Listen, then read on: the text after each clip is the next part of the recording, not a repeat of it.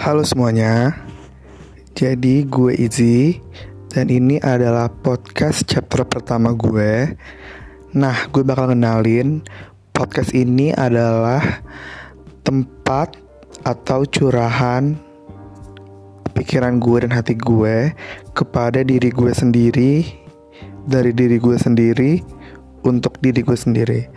Tapi jika kalian yang dengerin ini mau ngikutin terus chapter-chapter selanjutnya dari podcast gue, boleh super duper boleh banget. Kayak uh, kita sama-sama bertukar pikiran aja biar sesuatu yang ada di pikiran kita itu dapat kita curahkan di dalam kata-kata dan obrolan.